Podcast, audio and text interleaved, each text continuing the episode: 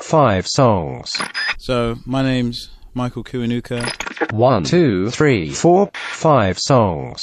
One, Sitting in the morning sun. When I heard that, and that made me want to write songs and to learn how to sing.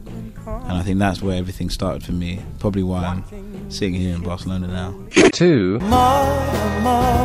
Again, it was the emotion really, and the strings and his the tone of his voice, three, After all the jets are in the boxes. and then that, that guitar solo on, on that on that track is so good and it's so pretty.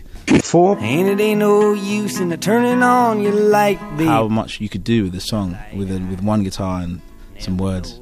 So I never that blew my mind. So that's an important one. five, It was just this spooky, dark, soulful, weird song that I never heard anything like that. So five songs. Cinc songs amb Blai Mercè.